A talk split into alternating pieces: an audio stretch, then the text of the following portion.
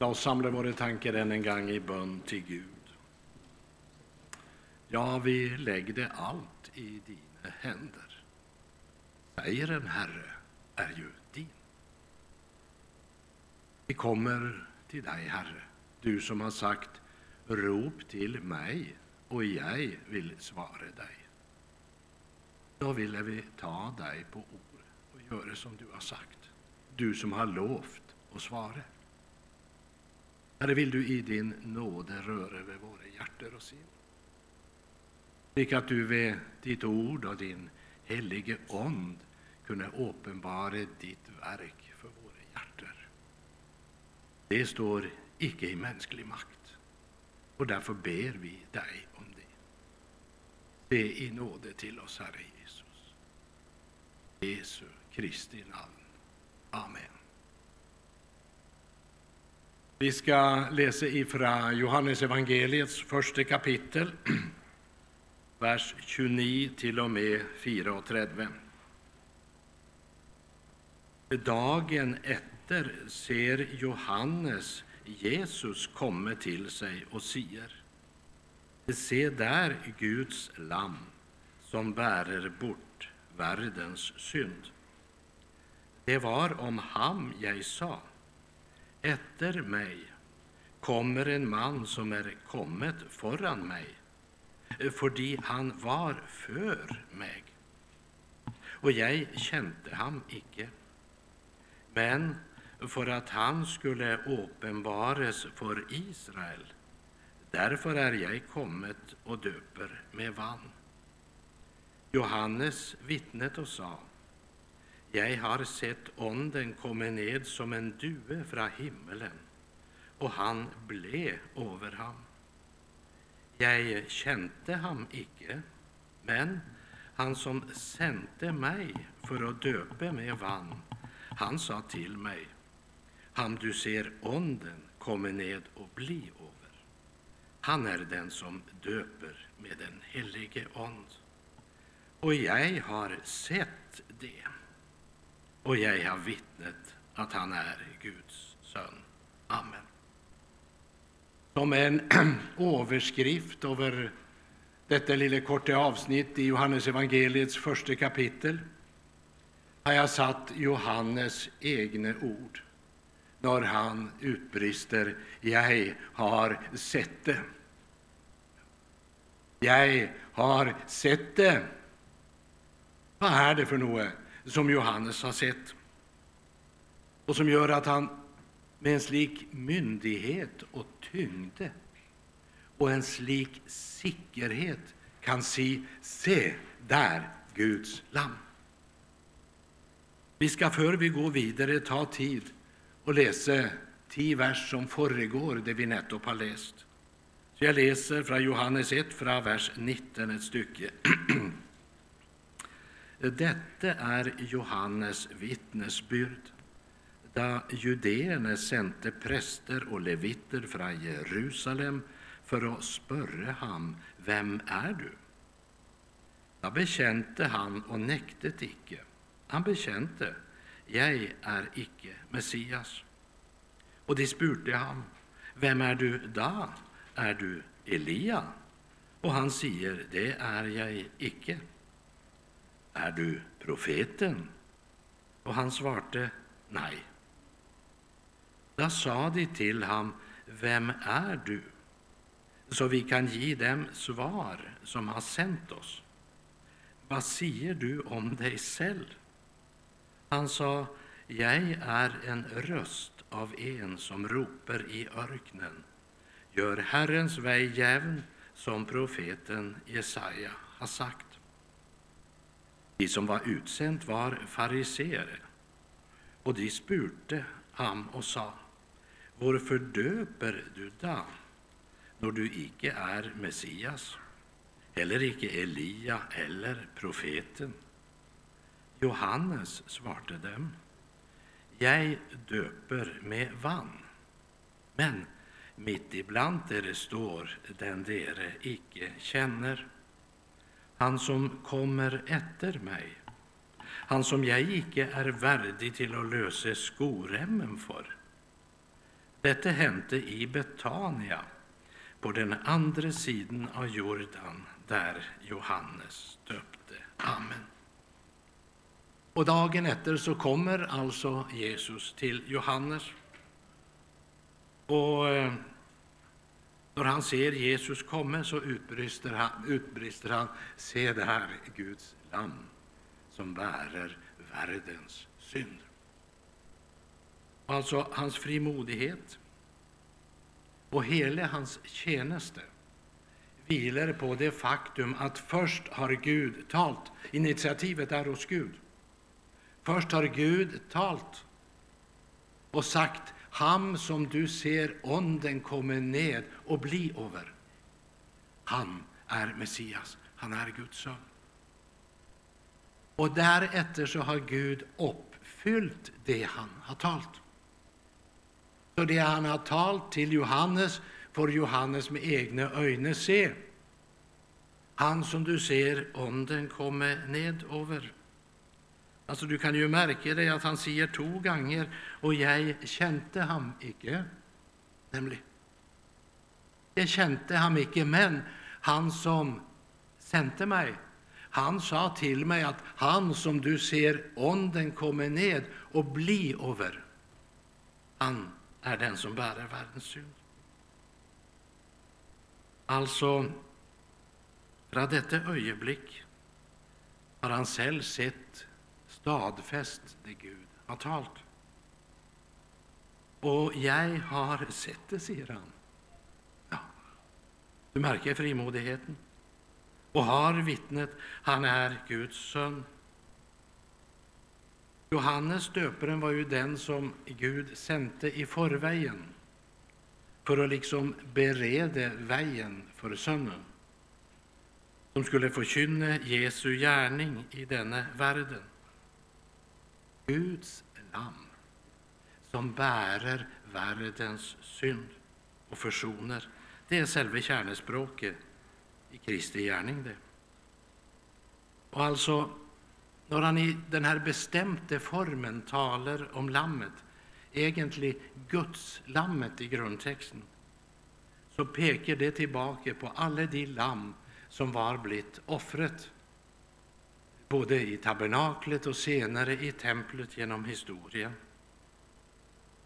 Och Hebreerna 9 säger därför är han mellomman mellan en ny pakt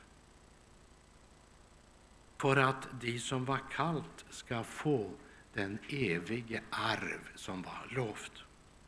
Efter att det funnits sted en död till förlösning från överträdelserna under den första pakt. Och vi kan också slå upp och läsa i Hebreerna 10, från begynnelsen av kapitlet. Hör, för loven har bara en skygge av de goder som skulle komma, icke tingenes virkliga skickelse.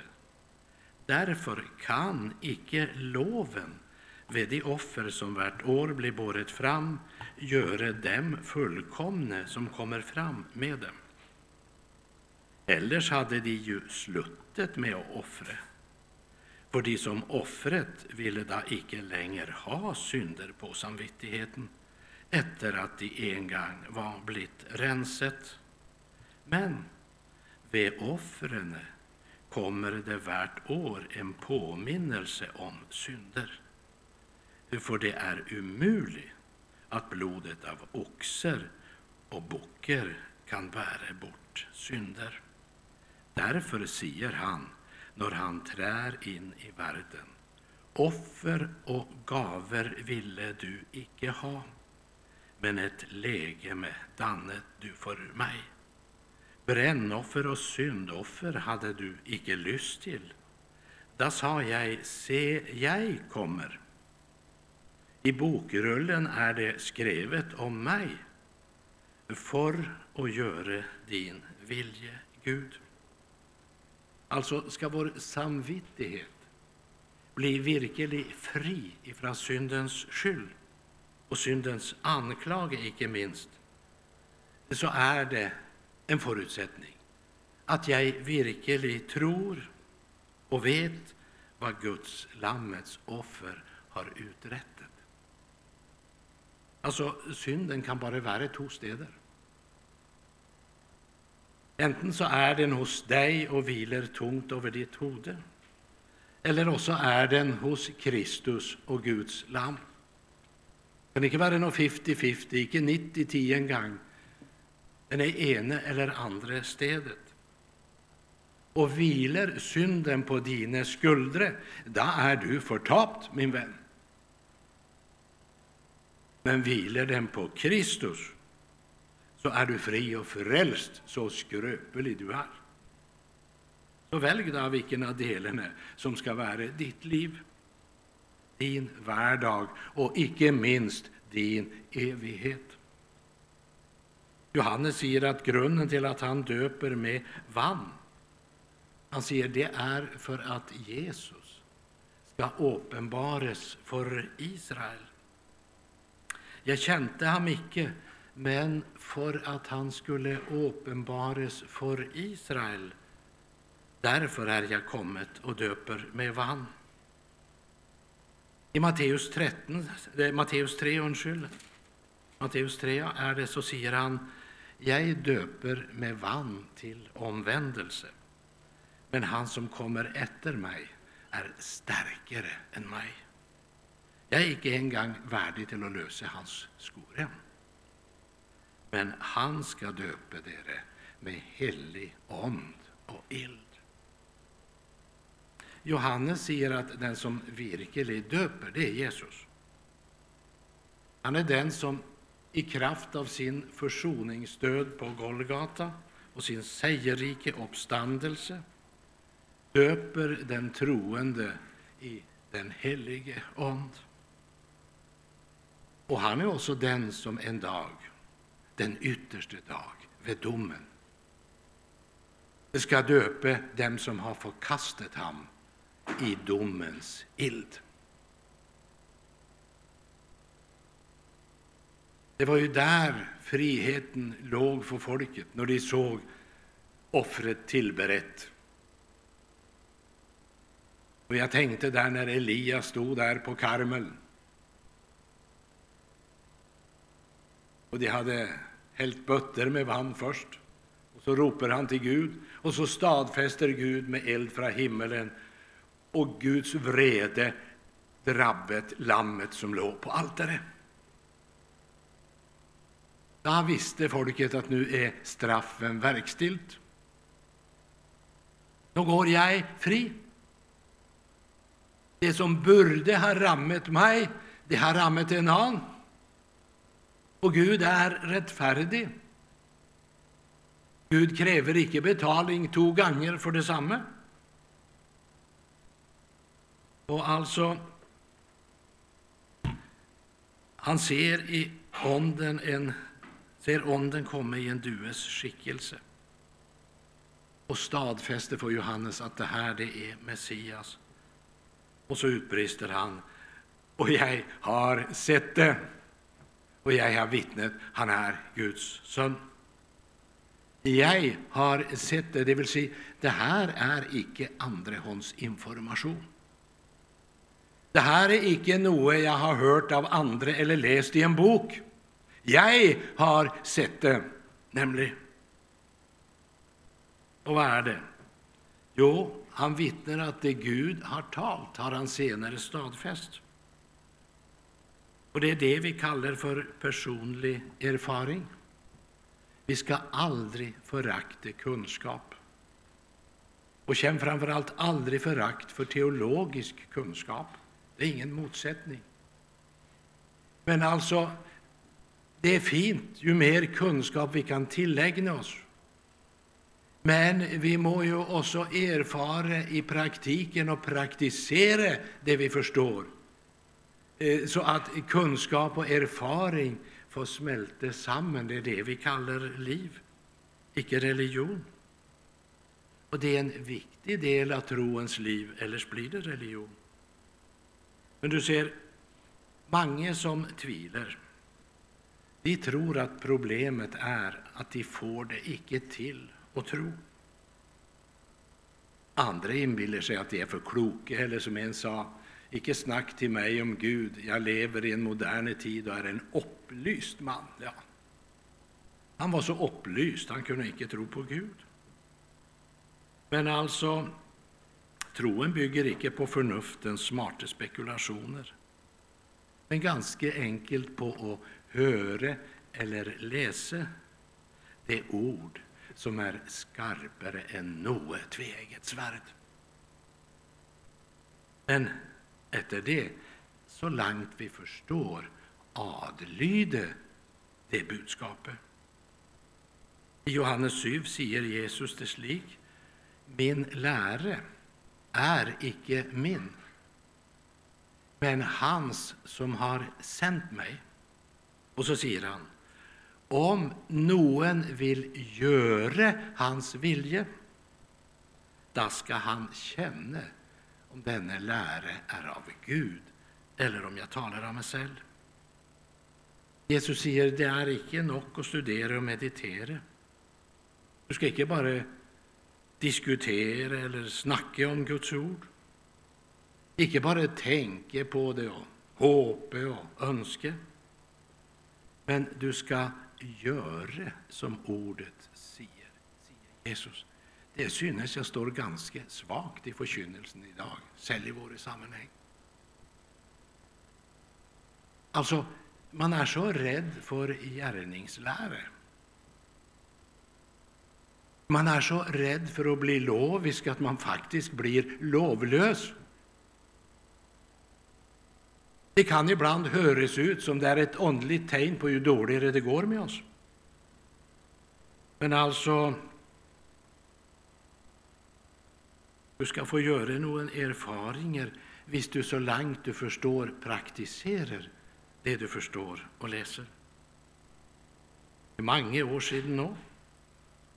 Man jag mötte på tåg, ja det är faktiskt så länge sedan att man kunde snacka med folk på tåg. Det var liksom för den tiden då alla satt så. Så man fick liksom kontakt. Och vi var efterhvert bara två i kupén och där är alltid och jag började att, snacka lite med honom. Men då sa han det att nej, inte snack till mig om det där. Alltså det, det var han färdig med. Det var inte något för han. Jag fortäller det, sa han, att det finns ingenting i världen som betyder mindre för mig än Gud och Jesus och de grejerna där. måtte jag resa mig. Och så sa jag, du ska ha klart för dig en ting, man. Att det ska komma en dag, ett ögonblick i ditt liv, där det ska gå upp för dig att det fanns icke något i hela universum som hade större betydning för dig än Jesus och hur du stilte det till ham. Där kom det fler i kupén så vi skiftade samtalämne. Jag hoppas Noa hade satt fast. För det blev för sent. Alltså, hvis vi prövar och praktiserar så långt vi förstår, är det ett kolossalt gott botemedel mot tvilen. För har du först fått erfara att Jesu lära om din synd och din förtapte stilling är sant, då vill det icke vara länge, för vägen till Kristi kors blir både känt och kär. För utan tro är det omöjligt att behaga Gud, säger Hebreerbrevet. Och visst du vill ha troen, då ska du höra och läsa det som står skrivet. Inte sant? Du ska höra ham som är troens upphavsman. En man sa det att jag, jag skulle önska jag kunde tro. Du är heldig du. Jag skulle önska jag kunde tro. Ber du till Jesus? Nej, hjälper det. Jag tror ju inte, sa han. Nej. Det är så enkelt så jag må, må ibland bruka bilder för att förklara vad jag tänker. Tänk dig att min kone ska sända mig till butiken. och jag får en handlelista. Och så säger jag nej, jag kan inte gå. Kan du inte gå? Nej, säger jag, för kylskåpet är tomt. Ja, men det är ju därför du ska gå. Ja. Jag kan ju inte be. Jag kan ju inte vända mig till Gud. Jag tror ju inte. Det är ju särskilt du som ska vända dig till Gud. Hur i all världen skulle det gå om du icke vänder dig till Han som är troens upphavsman? Har du tänkt att sitta där och vänta på att troen ska detta ner i huvudet ditt och då ska du vända dig till Gud? Rop till Han i din hjälplöshet. Han är icke tunghört. Det føles bara så någon gånger. Men han som sände mig för att döpa i vann, han sa, och så på utbrister han, jag har sett det. Och jag må för min personliga del få si att vi å läsa Moseböckerna, profetskriftene och salmene, och så la Guds helige ånd få åpenbare Kristus i dessa böcker. Och så etterpå läsa Johannes evangeliet 1. Efter det kan jag också si som Johannes, jag har sett det. Halleluja. Det är ett tackämne, det är ett mirakel. Ja, jag får det inte till att tro, men jag vill gärna säga det, både igår kväll och idag tidigt på morgonen. Jag har sett det. Å nådefulle Gud. Alltså, och här hänvisar jag icke till någon underlig upplevelse eller till någon syn jag haft eller till något mirakel. Tack och lov så har jag en helt annan grund för min tro. Icke en eller annan varm födelse här inne, för det kan jammen skifta. Men jag tror på Herren Jesus Kristus, på de jag tror Mosebökernas, profetskrifternas, salmenes och det nya testamentets vittnesbud om Jesus. Detta profetiska vittnesbud stoler jag på. Det vill säga det som Gud har talat i sitt ord och som i det nya testamentet går i uppfyllelse. Så min tro bygger på vittnesbudet i det gamla och det nya testamentet. Det är därför jag kan säga detsamma som Johannes. Jag har sett det. Min vän, har du sett något? Jag slår upp i Johannes brev slå det upp så jag gengiver det riktigt. Hör här, det är Johannes första brev från begynnelsen där. Det som var från begynnelsen, det som vi har hört, det som vi har sett med våra ögon, det som vi betraktat och våra händer rörde vid om livets ord och livet blev uppenbart. Och vi har sett det och vittnar och förkynner dere livet, det evige, som var hos Fadern och blev uppenbaret för oss. Det som vi har sett och hört, det förkynner vi för dere, för att också dere kan ha samfund med oss. Och vårt samfund är med Fadern och med hans son Jesus Kristus. det som vi har hört, det som vi har sett. Och livet blev uppenbart. Det handlar om att se något mer än det naturliga ögat ser. Det handlar om något mer än teoretisk kunskap. Något mer än att vite och förstandsmässigt förstå. Han uttrycker det slik i, det är väl Andra Korinterne. Här. Fram.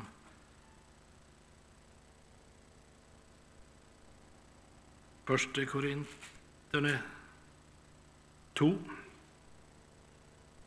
Första Korinterne 2 från vers 12. Men vi har icke fått världens ond, men den ond som är fra Gud, för att vi ska känna det som Gud i sin nåde har gett oss. Och detta förkynner vi icke med ord som mänsklig visdom har lärt oss, men med ord vi har lärt av Onden. Vi tolkar åndelige ting med åndelige ord. Men ett själeligt människa tar icke emot det som hörer Guds ånd till, för det är dårskap för ham, och han kan icke känna det. Det kan bara bedömas på åndelig vis. Men ett själeligt människa tar icke emot det. Det vill säga ett mänske som nog har själ, men icke ånd. Vi må vara klar över det. Ethvert människa har en själ. Ethvert människa har en själ som är udödelig. Men det är icke alla som har fått Guds ånd. Det är icke alla som har sett att de tränger Jesus. Jag får säga som jag sa för många år sedan i en kyrka i Slovakien, i en by som heter Rusomberok. Jag hade talat om nödvändigheten av synserkännelse. Jag sa, om du icke inser att du är en syndare, så söker du icke hjälp. Du kan icke bli frälst, om du icke blir bevisst att du är en syndare. Efter mötet kom en gammal dame, tåreblank, och så sa hon, du Westman, hur mycket syndserkännelse må jag ha för att bli frälst? Ja, säger käre syster, det är icke mycket. Det är icke mycket. Bara så mycket att du förstår att du tränger Jesus. I Apostlenes gärningar 3, jag tror jag ska ta tid till att ta med det också. Jag har ju hållit på för länge allerede, så jag kan gott hålla på lite till, inte sant? Apostlenes gärningar 3.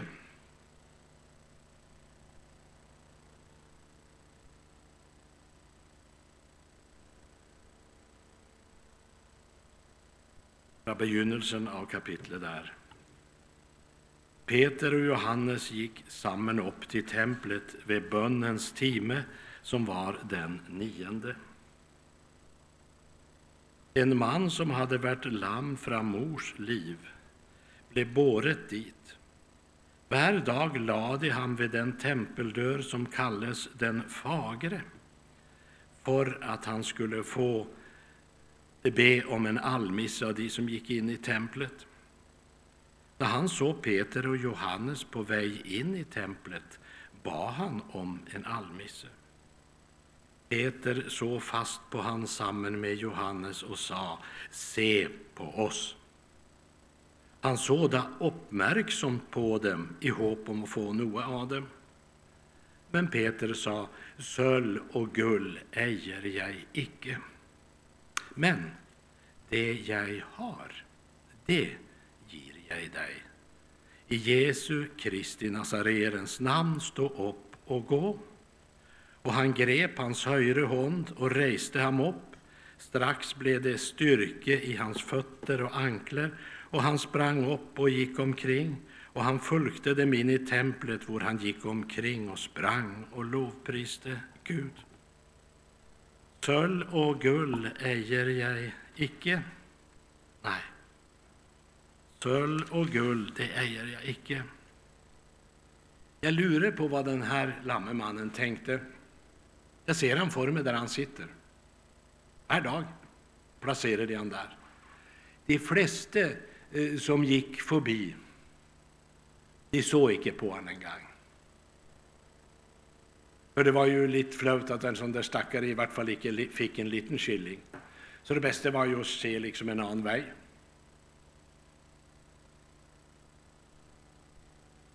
Det var de vant till. Men alltså, så en dag kommer det någon som inte bara ser på honom, men de går fram till honom och så stoppar de upp och säger Se på oss. Jag tror det skapade en väldig förväntning. Här, här är det nog en rikelig gave. Det blir årets bästa kollekt det här. Men jag lurer på vad han tänkte och hur han följde det. Då de här som så frimodigt sa ”se på oss” rätt efter på säger ”jag är dessvärre black”. För att säga det sån, jag glömt Alltså, käre vän, du skulle verkligen ha trängt hjälp, men dessvärre, jag glömde lommeboka hemma. Men han säger icke det. Men han säger sölv och guld, det har jag icke. Alltså det här som är så betydningsfullt i denna världen. Det här som alla är så upptatt av och som snart ska förgå, det har jag väldigt lite av, faktiskt nästan icke någonting.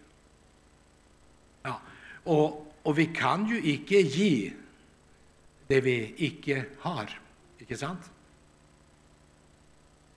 Tull och guld har jag icke, men det jag har, det ger jag dig. Jesu Kristi Nazarerens namn, stå upp och gå. Alltså, när jag läste det så tänkte jag på något jag hörde om en bisp i Sydeuropa som när han skulle vaska sina händer måste ta av sin guldklocka och sin guldring och sina sölvmanschetter och så ser han på tjänaren sin med ett smil och säger Ja, sölv och guld har jag icke, kan ju kyrkan icke se längre, sa han med ett smil. Men då blev tjänaren tåreblank och så sa han Nej, sa han. Men så kan det heller icke se i Jesu Kristi namn stå upp och gå. Alltså, en man stod fram, utsänd av Gud. Hans namn var Johannes. Det här är ett av de kapitel som gör att jag fortsatt präker. Det har löst mig mer än en kris. En man stod fram, utsänd av Gud. Och så lite längre ut står det, icke var han lyset. Nej, det ska vara säkert. Icke var han lyset, men han skulle vittne om lyset. Ja. Det är väldiga ting. Och alltså, vi lever idag i en kultur utan Gud. I ett förbrukarsamfund vår nytelse och självupptatthet är blivit ledstjärna. Och vår budskapet om omvändelse, syndernas förlatelse och Jesu igenkomst det är blivit till budskapet om allt möjligt annat. Det sägs om Johannes döparen, han skulle vittne om lyset, icke om allt möjligt annat. Och det ska vi få hålla fast vid.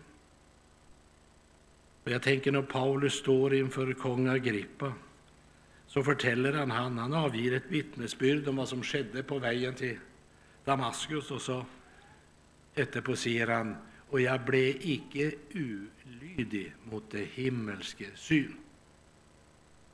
Ikke sant? Erfaringen han hade gjort, det var ju något väldigt. Det är ju inte många som får uppleva något slikt i en livstid en gång.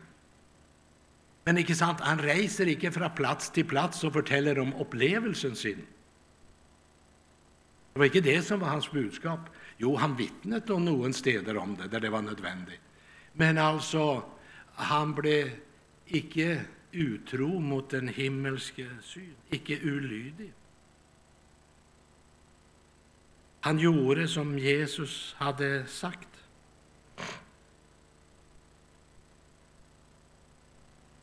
Och så var det för Johannes. Det var något han hade hört och något han väntat på, och nu har han sett det. Jag har sett den öppna kilden mot all synd och usselhet, och jag följde Ondens stämme. Denne råg för dig, Berit. Och hör, på den smale väg till kilden, allt mitt eget dömt jag så. Mina planer, mina önsker vid min fot i aske låg. Da i knuste bange hjerter falt av himlens ild en glød. Evig ære være Jesus. Livet fikk jeg gjennom død. Jeg vil prise, jeg vil prise lammet med de dyre, så dype sår. Gi ham ære, syndere alle, for oss ham vi full forløsning får. Hvem er det som får det? Var och en som kommer till honom. Tänk, det är Gud i sin nåde, och så på ny, uppenbart för mig. Tänk. Jag har sett det. Men det hjälper ju inte, det om jag inte är lydig mot det jag har fått se. Som Paulus säger, la oss omvända oss till Gud och fatta ett annat sinn och göra de gärningar som är omvändelsen värdiga. Herre, hjälp oss att icke blanda samman troens grund och troens frukt. Och så ber vi, Herre, om att du ska uppenbara ditt ord och din väldige frälsesgärning för våra hjärtan. Och så ber vi om att du må uppenbara det på en slik måte att det får bära frukt i våra liv. Det ber vi Jesus. I Faderns, i Sonens och den helige Ons namn. Amen.